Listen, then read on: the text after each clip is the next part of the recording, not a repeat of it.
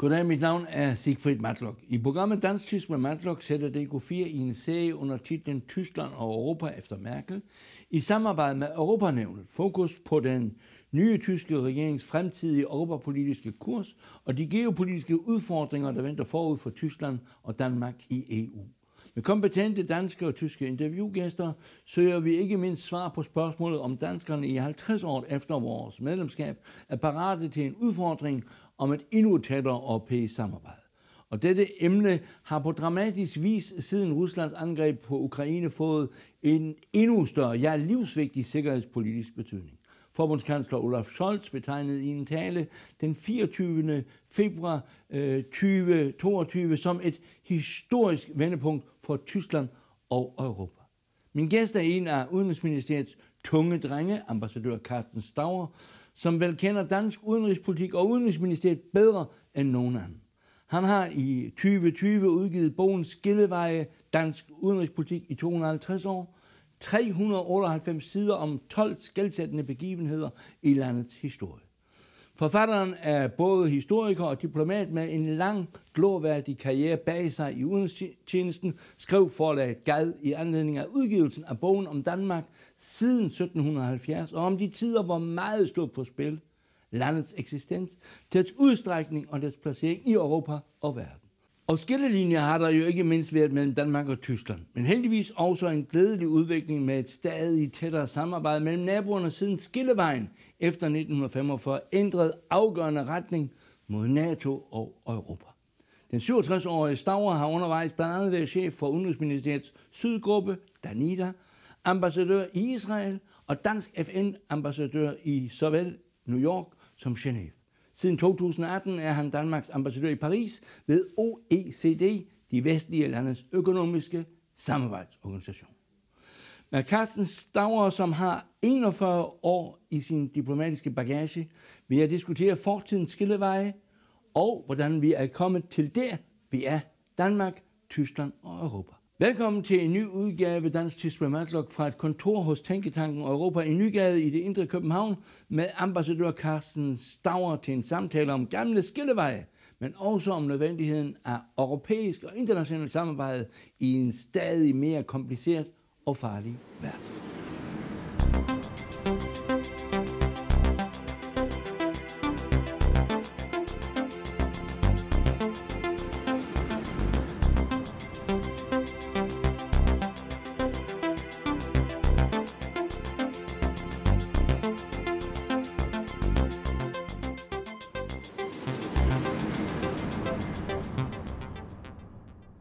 Carsten Stav, du har skrevet en, i mine øjne, fantastisk bog om 250 års øh, dansk øh, udenrigspolitik og udenrigstjeneste. Når jeg har læst øh, din bog, som jeg virkelig kan anbefale, øh, så kommer jeg i, i tanker om en tidligere kollega, som jeg også selv øh, respekterede meget, meget. Det var øh, øh forhanværende chefredaktør for politikken, Herbert Pundik som en gang, øh, jeg tror det var under en biltur, som vi havde til fælles syd for grænsen i Flensborg, sagde til mig, da vi diskuterede dansk historie, vi har gjort så meget forkert i Danmark, men det er gået godt. Er det et resonemang, som du også kan trække, når du kigger tilbage på 250 år? Det er jo klart, at vi har gjort meget forkert. Altså det, øh, det går helt tilbage. Jeg starter med et kapitel om, om, om Napoleonskrigen og tabet af Norge i 1814. Der gjorde vi noget forkert. Vi lagde os i den forkerte kurv. Wiener-kongressen var Wiener, ja, før Wiener-kongressen, ja, altså ja. i, øh, i fred, ved freden i Kiel. Men det var jo bygget op på, at vi simpelthen valgte Napoleon. Vi valgte den forkerte side i den europæiske krig. Så det var ikke et klogt valg. Uh, på samme måde kan man sige, at den måde, vi håndterede 1864 på i London-konferencen, var jo også en katastrofe. Så, så der er mange uh, steder, hvor det er gået galt i dansk udenrigspolitik. Der er også steder, hvor det er gået godt. Og så har vi haft en naturligt øh, held med os nogle gange, hvor det, når det skulle gå godt, og vi har formået at holde os på dydens smalle sti på mange måder, i erkendelse af, at vi er der, hvor vi er geografisk, og også at vi er et lille land i forhold til en regional situation, hvor der er en del store magter omkring os, ikke mindst Tyskland. Det interessante er, når jeg, når jeg læser øh, din bog, at, at øh, du øh, beder dig øh, korrigere mig, så den giver indtryk af, at, at øh, øh det var diplomaterne, øh, der i virkeligheden var mere kloge end politikere til tider? det kan man, det kan man altid finde nogle eksempler på det, men, men min, min pointe har faktisk været, synes jeg, hele bogen igennem, det er, at det er politikerne, der afstikker kursen. Det er dem, der bestemmer hvad. Hvad er Danmarks interesse, og hvad er dansk udenrigspolitik? Det er så op til diplomaterne at finde ud af, hvordan vi får gjort hvad til virkelighed. Men, men det er ikke, og det synes jeg han har været en meget klar pointe, når jeg har læst mig igennem de 250 år, har været, at det ikke er en, en eller anden øh, hemmelig stat eller et embedsmandsvæde eller noget andet. Det er en politisk styring af dansk udenrigspolitik. Først er det kongen, så bliver det regering, så bliver det regering og folketing. Nu bliver det måske mere regering, folketing og interesseorganisationer, der bestemmer, hvad udenrigspolitikken er. Men det er, øh, det er fra det sted, fra den politiske magt, man tager beslutninger om, hvad Danmarks interesse, Danmarks linjerne i dansk udenrigspolitik er. Og så er det selvfølgelig op til diplomatiet i vidt omfang at forsøge at realisere det her, for det gjort til virkelighed. Og det er jo et håndværk, som man skal kunne. Og det er jo så det også, hvor vi generelt kan sige, at det har vi gjort godt. Øh, når jeg ligesom prøver at, at, at konfrontere dig med, med et skisma mellem diplomati og politik, øh, så kommer jeg til at tænke på et sted i din bog, hvor du fortæller i, i forbindelse med, øh, altså inden 1864, at kong Christian den 9. Øh, ikke kunne sætte sig på den forkerte hest, men, men at han også der prøvede på at, at redde kronen og hertugdommerne ved ligesom at, at foreslå, jeg tror det var via den belgiske konge Leopold Bismarck, at Danmark skulle være medlem af det tyske forbund, Deutscher Bund. Øh, og der skriver du jo faktisk, at det er diplomaterne, der redder Danmark fra Danmarks udslettelse. Jo, altså det, jeg tror, det er noget, som så også nu er blevet beskrevet af Rasmus Gentov i hans, øh, hans nye bog. Øh, og det er jo klart, at, at det, er et, det er et svært kapitel, det her, øh, i, i dansk historie, for ny konge med tyske aner i et land, som er i konfrontation med Tyskland. Og det er klart, at det skaber nogle problemer for kongen. Men det er også lige så tydeligt, at at, at, at det, jo, det er diplomatiet, der redder det. Det er også Herman Wedel, og så, eller ikke så Peter Wedel, som, som, som gør det. Og, og, øh, og det lykkes selvfølgelig at holde, holde Danmark øh, ude af det tyske forbund. Eller, øh, men det, vores problem er jo, at Holsten er medlem af det, og derfor er vi jo allerede øh, kvæg øh, kongemagten og kvæg den, den, det danske rige, mm. delvis medlem af tyske forbund. Så, så tanken er jo ikke så revolutionerende. Et eller andet sted skal man finde en, en, en, et, for, en relation til det tyske forbund. Men det var Bismarck, der afviste det tilbud, altså er klart. Ja, ja. ja. Øh, men, men det er jo klart, at, at altså, Bismarck øh, gik efter en, en, en, en tysk nationalstat, og var ikke interesseret ja. i at få... Den lille tyske løsning hed Ja, altså, ja. Den, men, men hvor, hvor Bismarck jo ikke er interesseret i realiteten at få uh, en, en ikke-tysk befolkning inde, inde i det nye Tyskland. Ja og en dansk konge som medspiller eventuelt. Ja, ja, og, så, og som u, u, altså, ja, ja. uforudsigeligt kort. Ja. Som... Øh, men når jeg nu alligevel øh, holder lidt fast i det der med, at diplomatiet har reddet landet i, i vanskelige tider, øh, så vil jeg alligevel øh, minde om både, du, du nævner det med, med Wiener-kongressen, du nævner det med 1864, du nævner det også med 1920, ja øh, hvor der også var noget, øh, der var øh, ved at gå galt med, med påske, også i forbindelse med ja. påskekrisen øh, hvor du ligesom siger, at, at det er til syvende og sidst, det er nok et politisk mandat, men, men det er sådan set diplomaterne, der, der udreder øh, tråden. Jo, det er det jo i mange, i mange henseender, når du sidder i forhandlingsbordet, og der er tekniske diplomatiske ja. forhandlinger, så er det jo selvfølgelig sådan. Men jeg synes, 1919 og ja. Paris-konferencen og det, der bliver til Versailles-aftalerne, mm. øh, er jo faktisk, det, det er jo det sted, første sted rigtig i dansk historie, hvor Folketinget øh, kommer ja. ind i den danske udenrigspolitik. Indtil da havde det været regeringens anlæggende. Takket Stowning. Takket Stowning, ja. altså takket også med, at man har også fra den radikale regerings side, som jo sad med et relativt begrænset mandat. Sale. Ja. Øh, med regeringens sale, øh, hvor, hvor man sender øh, forsvarsminister Munk, dengang forsvarsminister Munk, mm. til Paris, men ledsaget af Niels Nergård fra Venstre, ledsaget af Alexander Foss fra, ja, fra Højre, mm. og ledsaget også af hvad hedder den, nationaldirektør Bramsnes mm. fra Socialdemokraterne, mm. senere nationaldirektør. Mm øhm, som, som jo betyder, at der er politisk kontrol med forhandlingerne. Mm. Og ikke er bare, at det er regeringen, der fører, men man har Folketingets partier i, i nakken, mens man gør det. Og det er jo selvfølgelig et, et, et eksempel på, altså det er, det er jo der, hvor Danmark, det vil sige, for mig, når jeg har været igennem de her 250 år, så er et væsentligste omdrejningspunkt i forhold til Tyskland, det er jo 1919. Og det er det, at vi selvom vi får et tilbud fra Frankrig om at kunne gå øh, ja. all in, om man så må sige, at kunne tage Danmark skal tage, eller Danmark kan få af stormagterne. Til trods for et tysk flertal i Flensborg. Præcis, tysk flertal i Flensborg, 80 procent af befolkningen ved mm. afstemningen. Ja. Øhm, at, at vi får i realiteten et, et lidt åbent tilbud, så man kan sige, I kan tage noget mere end det, der tilkommer efter, efter nationalitetsprincippet. Mm. Mm. Og det siger regeringen nej til. Uh, ud fra den betragtning, at det godt være, at Tyskland har tabt Første Verdenskrig. Tyskland er vores nabo i lang tid. Tyskland vil blive ved med at være vores nabo. Og vi skal have et godt mm. forhold til Tyskland. Men den, den situation bliver jo så sat på en helt dramatisk øh, prøve i 1940, ja. da Tyskland øh, besætter øh, Danmark. Og der får man jo også regeringen Scavenius. Jeg tror, historikeren Hans Kirchhoff havde sagt, at, at med besættelsen fik Danmark en halv frihed. Der var jo begreberne både samarbejdspolitik og forhandlingspolitik. Jeg ved egentlig ikke rigtig, hvilket, hvilket begreb du helst vil have, men i hvert fald siger du, at takket være også, at begge udenrigsministerierne, også dem i Berlin, var, var med i hele den der komplekse forhandlingssituation, øh, så, får, så får Danmark ekstra tid. Skriver. Ja, altså jeg synes jo selv, at, at 1940-45 er utrolig interessant, når man skal se på forholdet mellem stormagt og en småstat. Man siger, at stormagten kan ikke blive større end ved at besætte småstaten. Så er, så er forholdet så nærmest 100 til 0. Så hvad gør småstaten så i den situation?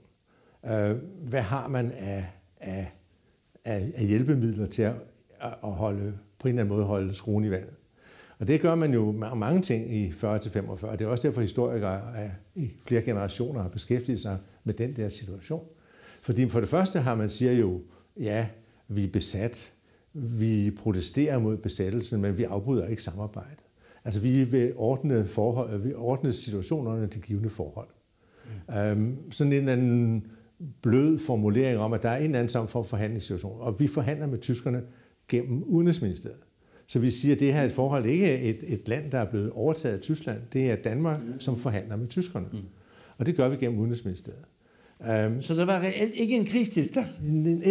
der kommer, det kommer selvfølgelig efterhånden, men, ja, men, ja, men, ja. men pointen er, og jeg tror, jeg har i en forskellige andre sammenhæng brugt begrebet, at vi pragmatiserer forholdet til Tyskland. Fordi um, vi kan, man kan sige, at Altså vi forsøger at reducere, at vi forsøger at tage magten ud af ligningen et eller andet sted. Brøden ud af... Ja, ja. og så siger vi, at vi har et fælles problem. Mm. Altså, tyskerne vil gerne besætte Danmark med mindst mulig magtanvendelse. Ja. Det fordrer, at det danske samfund fungerer. For ellers bliver man en besættelsesmagt, som selv skal levere alting og binde mange flere tropper og ressourcer i Danmark. Så Tyskland har som ja. besættelsesmagt interesse i, at det danske samfund fungerer. Den interesse bruger regeringen så til at sige, jamen så må vi jo i fællesskab finde ud af, hvordan det her samfund kan fungere, og hvordan vi får den her relation. Og så, så begynder man at have pragmatisk, det er ikke et spørgsmål om stormagt og, en, og det er ikke et spørgsmål om nationalitet, det er ikke et spørgsmål om politik, det er et spørgsmål om at finde nogle praktiske løsninger. Så vi pragmatiserer ja. forholdet til, til Tyskland, og så får vi lige pludselig større indflydelse fra den side, end vi ellers ville have haft. Altså, vi er ikke længere en, vi er en, en samarbejdspartner et eller andet sted selvom vi kommer fra hver sit hjørne og er vigtige i mange, mm. mm. så er vi et eller andet sted, hvor vi, vi skal finde løsning. Mm. Så det gjorde alt i alt, at Danmark, øh, nu ser jeg bort fra den moralske vurdering, slap billigere end, end mange andre. Lad mig lige komme ind på et begreb, du lige før øh, brugte et, et, et godt dansk all in. Du nævnte, øh, du nævnte øh, franskmændene i 1920, der ja. sagde, tag, hvad I vil have. Ja. Det gjorde englænderne jo også efter 45. Ja. Men der var jo Christmas Møller og den danske regering så klog den 9. maj 1945 ved at sige, at grænsen ligger fast. Præcis. Med henblik på afgørelsen fra 1920. Ja. Det, grænsen ligger fast var et af de tre elementer, der indgik i ja. uh, den nye regering, Bulls, uh, altså befrielsesregeringens tiltrædelsesdag. Mm. Og det var virkelig, virkelig afgørende altså at, få, at få det formuleret. Um, altså det er klart, at i, i 1919, der kommer franskmændene med et tilbud til mm. os, og det, det har jo ikke det er for, for Danmarks skyld. Det er fordi Frankrig gerne vil have bundet Tyskland mm. ind af grænsekonflikter med alle mulige lande. Så der er uro på den tyske grænse til vest og til øst og til syd og til nord, og så kan Tyskland være beskæftiget med det, og så kan øh, vil sige, gavne Frankrig den der rivalisering mellem Frankrig og Tyskland. Så derfor var franskmændene interesseret i, at der blev en kilde til evig uro mm. i den dansk-tyske grænse. Det vil sige, at Danmark skulle have et stort tysk mindretal inden for sine grænser. Så var vi sikre på, at så vil vi have noget at slås med tyskerne om. Og det siger den danske regering jo klogeligt nej til, fordi man har truffet den principbeslutning, at øh, vi vil have en nationalstat. Det er jo en til en, men, men vi vil have en grænse, der følger nationalitetsprincippet. Og, og det vil sige, at mens franskmændene øh, vil stifte uro, ville britterne skifte ro altså, jeg, det, ved, ikke, jeg ved ikke, hvad britternes... Nej, har jeg ikke, men, men, altså, hvad, hvad deres motiver har været. Nej, det kan også nej, have været, bare have været, at altså, ja, ja. det har været, det var en, en, en, en, Men det er jo klart, at det havde ingen sig. Det er klart, okay, Venstre regering, Knud Christensen, statsminister Knud mm. Christensen, ja, forsøger selvfølgelig at køre den linje der, mm. men har jo meget lidt øh, folkelig opbakning ja, i realiteten. Ja, ja, ja. Og, og det lykkedes jo ikke på ham at, at hive øh, de, selv de borgerlige partier med, den, med på den galej. Og så får Danmark jo øh, øh, takket ved H.C. Hansen en, en, en, en fornem aftale øh, i stand omkring øh, begge mindretal, Bonn københavn ja. eller københavn bonn som man kalder dem, samtidig med, og det skal man ja. ikke glemme, med at Danmark gav, øh, opgav sin, sit vetoret, hvis jeg må ja. sige det, over for vesttysk NATO-optagelse. Ja. Ja. Det var jo også et helt afgørende skridt i det der nye bilaterale forhold i første omgang. Ja. Jo, jo, altså det var jo klart, at den aftale, altså 55 erklæringerne, er jo et, en grundpille i det dansk-tyske forhold. Ja. Og det jo tog sin tid, og det var der, hvor vi, altså man kan sige, at vi kommer jo ud af en situation, hvor vi, har, tysk, vi er blevet befriet fra tysk besættelse mm. i 45. 10 år efter etablerer vi grundlag for en helt ny relation mellem de to lande. Det er jo en forbløffende hurtig omvæltning fra, fra dansk side. Men det er selvfølgelig også i, i kraft af, at vi med Marshallhjælpen i 47 og 48, mm. hvor amerikanerne jo meget klogt siger til europæerne, i må gerne få penge og støtte fra os, men så skal I samarbejde. Den gamle, det gamle, eller Tyskland skal samarbejde med Tysklands fjender. Og hvis I gør det... I modsætning til 1920. Eller 1920, 18, hvor, hvor det var et spørgsmål ja. om at plyndre Tyskland ja. så meget som overhovedet ja. muligt. Ja. Nu bliver det så et spørgsmål om, at vi skal genopbygge Tyskland. Vi skal også genopbygge Frankrig og England og Danmark. Og vi skal gøre det i fællesskab. Og kold krig var der. Og kold krig var det så, mm. så du har Marshallhjælpen, du har mm. den kolde krig mm. øh, i høj grad. Mm. Og så har du også i realiteten, at det der også sker i 55, er, at du får en løsning af, øh, af spørgsmålet om dansk repræsentation i landet i Kiel. Ja. Altså, der var en 5% grænse. Ja som man så ophæver, fordi øh, altså, det, det er jo et af de elementer, man kan sige, som så giver anledning til, at det ikke bare er et spørgsmål om NATO, og som det er også et spørgsmål om mindretal, mindretals rettigheder på begge sider af grænsen. Som jo gør, at det danske mindretal i dag er en af de 749 i den tyske ja, parlament. Ja, ja, ja. det er jo også et pudsigt. Ja. Øh, Glemmer vi 55, kommer vi videre til 72, så spillede 2. oktober 72, så spillede Tyskland jo en afgørende rolle for ja, danskernes stillingtagen til det.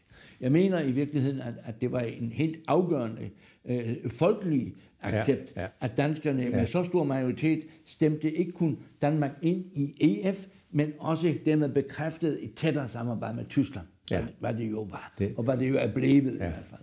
Så 72 var, var jo et, et, et virkelig nyt drejepunkt i, i, i, i, dansk-tysk, i det dansk-tyske forhold. Og så har vi jo haft øh, øh, også øh, øh, en, en, en ret stor tysk indflydelse senere hen, øh, også på dansk indrigspolitik, for eksempel med fodnotepolitik. Mm. Der er det jo meget interessant, at du jo nævner, øh, jeg siger lidt, lidt tilspidset, som den skjulte udenrigsminister for oppositionen, for fodnoteflertallet, den tyske socialdemokrat Egon Bahr. Ja. Jo, det er jo klart, altså, at, at øh, Skandilux-samarbejde, altså det tyske øh, Benelux, øh, skandinaviske socialdemokratiske samarbejde, spiller en vigtig rolle, og Egon Bahr er jo en chefideolog mm. i realiteten, der også præger det danske socialdemokrati i, i, i lang tid her. Mm. Øh, så, så, så der er en... Som var Willy Brandts højre hånd. Var Willy Brandts højre hånd, ja, ja, ja. og en, en, en chefstrateg. Chefstrateg på, på det udenrigspolitiske område, ja. ja. Øh, og som jo altså er øh, for en led af dansk socialdemokrati til at tage den, mm. den, den holdning, som, som man har. Så han var med til at, at, at at irritere i, i, i hvert fald en, en Uffe Ellemann og, ja. og en Paul Slytter ja. i mange år. Ja. Lad, lad os komme videre komme ind på det europæiske. Nu har vi sådan talt om, om det jo 55 var jo også især NATO og den kolde krig. Øh, det europæiske, 72 øh, nævnte vi allerede, men, men øh, en, en helt afgørende ting var jo øh, udvidelsen af, ja. af, af EU, hed det jo nu, Øh, øh, under, under, øh, her, her i, i Ballercenteret ved, ved, ved, ved øh, statsminister Anders Fogh. Øh, der må man jo sige, at, at der er en sætning i, i, i din øh, rapport omkring de der dramatiske forhandlinger, øh, hvor du siger, jamen nøglen til hele løsningen på, om vi skal have øh, Polen øh, og de balt, og, og baltiske lande kommer senere, men Polen med, det er tyskerne, og nøglen er de kommer til at betale. Øh, cool checkhæfte, kunne ja, man læse. præcis. Øh, lyder ikke så venligt, ne?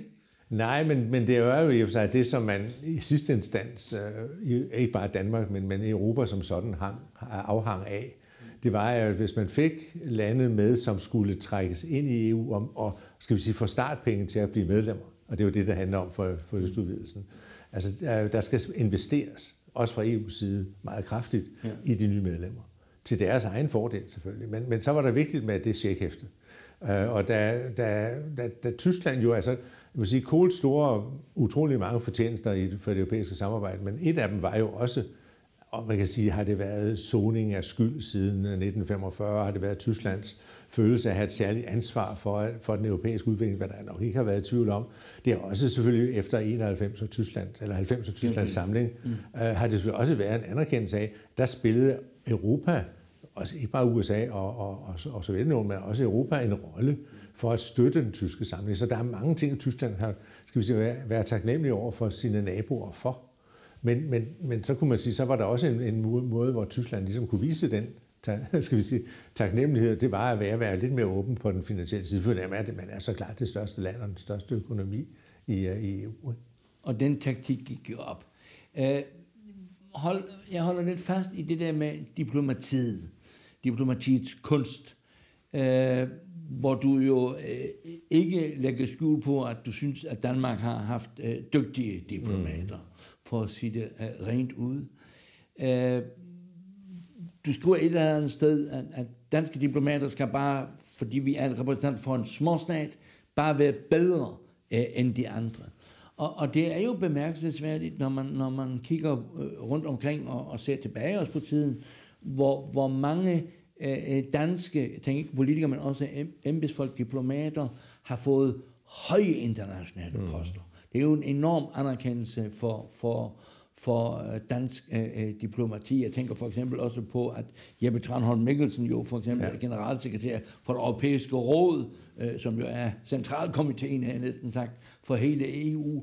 Øh, altså, øh, der må jo være noget, som, som, som danskerne kan gøre bedre, end mange andre, fordi størrelsen som sådan øh, og begejstring, eksempelvis for Europa, er jo ikke det, der, der, der falder i Danmarks lod. Nej, men jeg tror, at, at altså, Jeppe Trandholm er et fantastisk godt eksempel på en dels indflydelse. Jeg er meget dygtig dansk diplomat. Ersholm var, Ersbøl var, Ersbøl var det samme ja, tidligere. Ja, ja, øhm, ja. Øh, og, og det, så, så på den måde, og hvad, hvad er det, der skaber det? Ja, for det første selvfølgelig et, et meget, meget dygtigt øh, kendskab, stort kendskab til sagsområdet, altså den faglige ballast. Men så tror jeg også, det hænger sammen med, at man som, altså vi er et meget pragmatisk protestantisk folkefærd. Vi vil gerne finde løsninger. Mm. Vi vil heller ikke noget imod at træde lidt i baggrunden selv, hvis det er med til at befordre en løsning og finde, finde nogle ting. Så, så vi vil ofte, og det ser jeg også, har jeg set gennem, gennem mange år i FN, er vi, fordi vi har ikke så stor en, en vi har en meget stærk værdibaseret udenrigspolitik, men vi har ikke sådan klassiske nationale interesser, som overskygger vores, vores deltagelse. Ikke dogmatisk. Ikke dogmatisk. Vi, mm. vi opfattes som mm. troværdige, redelige og ordentlige. Mm. Um, og hvis vi, hvis vi får besked på, at nu skal vi finde en løsning her, så kan vi, og vi er også i stand til selv en gang imellem at træde lidt nationalt i baggrunden til fordel for et, det, det, det, den, den store helhed. Og det tror jeg er altså medvirkende til, at, at, vi, at vi får de der muligheder, øh, som både som land øh, og som, som enkeltpersoner. Fordi vi opfatter det som troværdige, vi, vi, vi, vi ses som, som gode samarbejdspartnere, og vi forstår, at hvis der skal findes løsninger, så skal det gives, og skal tages. Du har jo i din bog flere gange øh, øh, skillevejen jo, jo gjort opmærksom på de mange dansk-tyske skillelinjer, der har været ja. i historien. Og som sagt, øh, på tysk siger man, endelig godt, alles godt. Men man skal vel ikke glemme øh, øh, fortiden. Men øh, jeg kommer til at tænke på, at, at øh, den nuværende situation, som jo øh, stikordet Ukraine jo har, øh, er virkelig en tilspidsning af, af hele sikkerhedssituationen øh, og strukturen i, i Europa. Øh, den får mig til at tænke på øh, en, en sætning fra Bismarck, øh, som en gang sagde, diplomati uden våben er ligesom musik uden instrumenter. Øh, har diplomatiet øh, her i den nuværende situation øh, forfejlet øh, sin mission ved måske at være for diplomatisk og for naiv?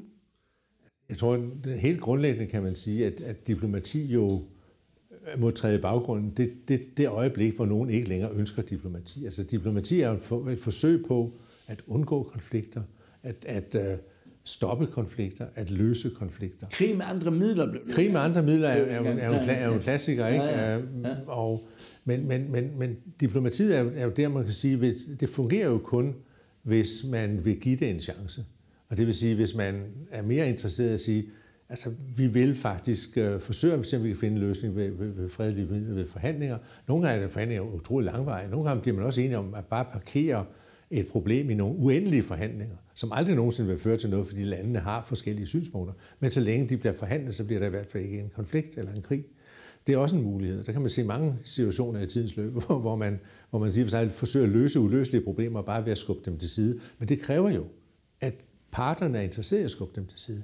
Hvis en af parterne siger, nu stopper spillet, mm. øh, nu ønsker vi ikke at forhandle, nu ønsker vi at sætte tropper ind og gøre noget, så er det klart, så, så har diplomatiet ikke lige umiddelbart derefter en rolle. Men så der kommer der jo igen næste fase.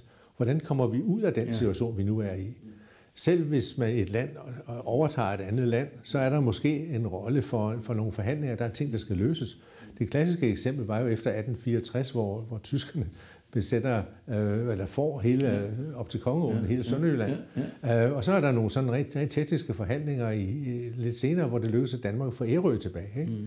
Så Ærø bliver en del af Danmark i 1864, nærmest sådan en, som en parentes eller en bibemærkning, mm. fordi det kan vi jo lige så godt. Og sådan. Der, er sådan, der er et spillerum hele tiden, næsten uanset hvor, hvor, hvor forfærdelig situation er der, er der noget, der skal rettes op, og vi skal finde nogle løsninger på nogle små ting i hjørnerne. Men så kommer det, det store jo også, at hvis man så skal forsøge at finde en vejeløsning på noget, så må man jo tilbage til, til et forhandlingsbord og prøve at se, om man kan finde, øh, finde, finde ud af, hvordan vi så bringer situationen videre. Så det er altid en, en dualisme mellem politik og diplomati? Selvfølgelig. Altså, det, det, det, altså, altså, det er klart, at, at øh, politikken er det væsentligste. Diplomatiet er håndværket.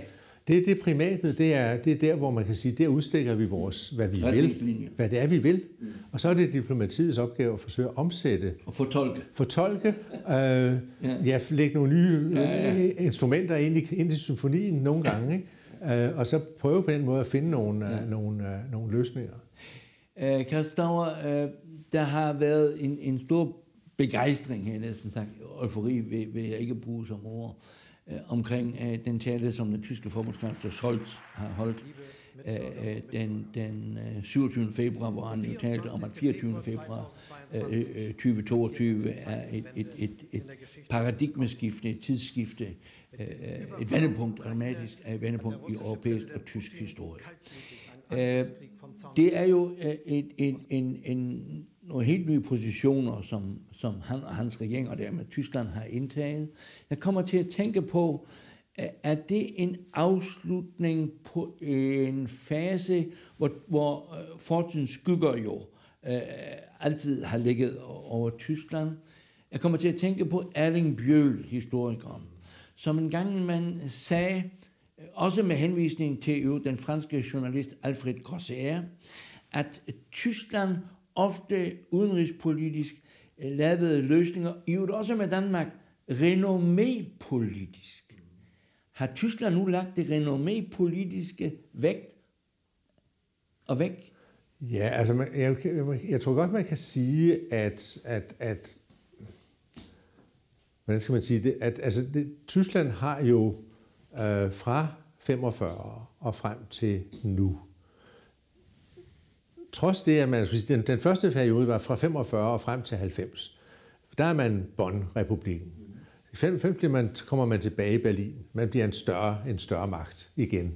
Men en større økonomisk magt. Og Kohl holder lidt tilbage på, på, på den, skal vi sige, den politiske, militære magt i Tyskland.